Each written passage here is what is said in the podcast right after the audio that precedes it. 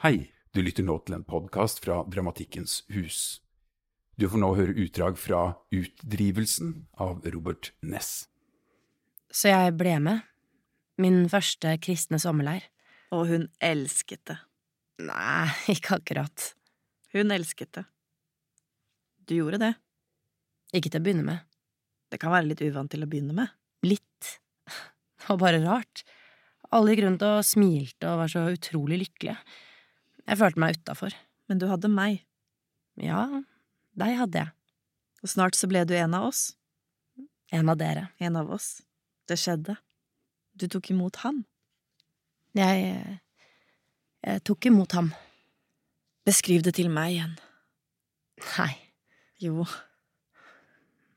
Det var akkurat som Kristine hadde fortalt at det ville bli. Slik det hadde vært for henne. Jeg kom opp på scenen. du ble dratt opp på scenen. Ja, dere måtte dra meg. Alle så på meg det var flaut. Fortell. Jeg ville det, og jeg ville det ikke, men, men det var akkurat som om føttene mine bare gikk av seg selv. Og plutselig så sto jeg der, foran Craig. Foran Craig. Foran alle sammen. Ja, Ja, ja fort, fortsett. det er ingen ord som passer. Men det var som jeg hadde fortalt. Varmen. Varmen og lyset. Ja, lyset også. Men jeg så det ikke. Lyset var også en følelse. Jeg følte lys. Craig sier at han tror det er slik det føles å være i himmelen. Praise the Lord. Hallelujah. Bare tusen ganger sterkere og hele tiden, og følelsen blir ikke borte. Du bader i Guds kjærlighet for evig. Og så da? Ja, så fylte lyset meg. Hele meg. Jeg fikk et bilde i hodet. Det, det var som om jeg så på cellene mine i mikroskop og kunne se hvordan de begynte å gløde, én etter én. Helt til det var så mye lys at alle detaljene ble vasket bort. Og så falt jeg bakover. Jeg falt og svevde, og alt gikk i saktefilm. Og du smilte, Craig smilte, alle smilte. Halleluja. Halleluja. Husker du det første du sa etterpå? Nei, Du tullet ikke. sa jeg det? Ja. Det var små ord. Du sa det igjen og igjen. Du tullet ikke, du tullet ikke. Etter å ha opplevd Guds kjærlighet, så var det det eneste du kom på. Ja, ja. Men husker du hva du sa? Nei, hva sa jeg? Nå skal vi være sammen for evig i himmelen. Eva, Kristine, Eva. ikke bli alvorlig, da. Ber du fortsatt? Av og til, når jeg kommer på det. Du må ikke slutte å be. Nei. Jeg kan ikke huske sist jeg ba. Jeg ber for deg. Takk. Kommer du i kveld? I kveld? Oi, eh, matteprøve i morgen. Matteprøve? Jeg må få fire. Men jeg skal forsøke å komme. Jeg må bare Jeg må få fire. Etter hvert så ble det bare som å tenke tilbake på en fest. En veldig bra fest, der jeg hadde blitt litt for rusa og ivrig og danse på bordet. Ganske fint, ganske flaut. Og så håpet jeg at folk snart ville glemme det. Eva, du må ikke gi opp. Alle tviler av og til. Ja, Ja, alle har det sånn.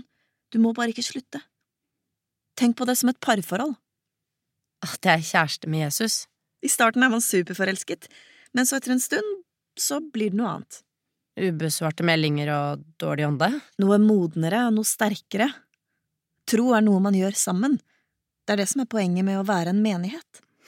Husk at true er lagidrett. så kommer du?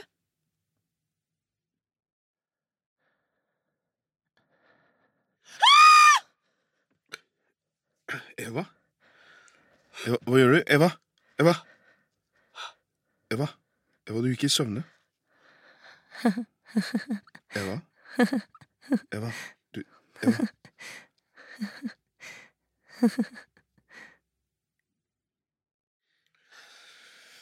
Det var tidlig. Fikk du ikke sove? Gule blader allerede. Er ikke det litt tidlig? Hva hadde skjedd om jeg ikke hadde våkna? Hva? Eva, i natt? Hva hadde skjedd om ikke jeg hadde våkna? Um, Hva mener du? Hun gikk i søvne? Løfta kniven! Gitte! Hadde ikke jeg våkna, så Hun løfta kniven! Jeg skjønner at du ble skremt. Jeg ble også skremt. Og Eva kanskje mest av alle. Hun skulle til å Nei, Gitte! Er du klar over hvordan du høres ut? Hun løfta kniven, Tor! Har du noen gang hørt om søvngjengere som skader folk? Bortsett fra i amerikanske TV-serier. Det hender at de skader seg selv, kommer ut for ulykker, det er sant, men at de skader andre Det har skjedd noe med henne. Hun er ikke Hun er ikke Kan du snakke i hele setninger? som hun var. Eva er ikke som hun var før. Før? Før, før hva da? Før, før vi flytta hit? Nei. Eller ja, kanskje. Jeg veit ikke akkurat når, men hun har forandra seg. Det at hun lefler litt med religion, det er bare en fase. Det vokser hun av seg i løpet av et par måneder. Såpass kjenner jeg henne. Hun er ikke normal. Men du ser det ikke, fordi du er faren hennes. Hvis det er noen som ser ting, så er det vel nettopp jeg, fordi jeg er faren hennes. Mm, der kom den, ja. Hva mener du? Hva mener du? Påminnelsen om at jeg aldri blir en av dere. Det vil alltid være du og Eva. Og så er det meg, den iskalde stemora. Gitte vet du, Bare Nei, jeg orker ikke. Jeg veit, jeg har sagt det før. Det har du.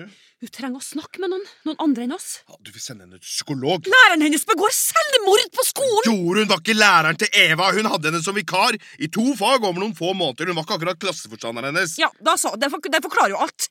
Det forklarer jo hvorfor hun virker helt uberørt. Ja, men Det at hun ikke viser alle følelser til oss, betyr ikke at hun ikke føler noe. Det er rimelig elementær ukebladspsykologi. Men det bekymrer deg ikke? Helt ærlig, nei. For noen er det lettere å snakke med venner om vanskelige ting. Jeg var, sånn var jeg som barn, i hvert fall. Selvfølgelig var du det. Dine foreldre er jo iskalde. De har ikke følelser, det har du jo sjøl sagt. Er det fordi hun er jente? At hun har Åh. visse kjønnsstereotypiske forventninger til hvordan hun skal reagere? Virkelig, Tor! Virkelig! Nei, det bekymrer meg ikke så veldig. Det har jeg skjønt, og det bekymrer meg. Men som du sier, du er faren hennes. Du veit best. Nei, Gitte. Du! Gitte!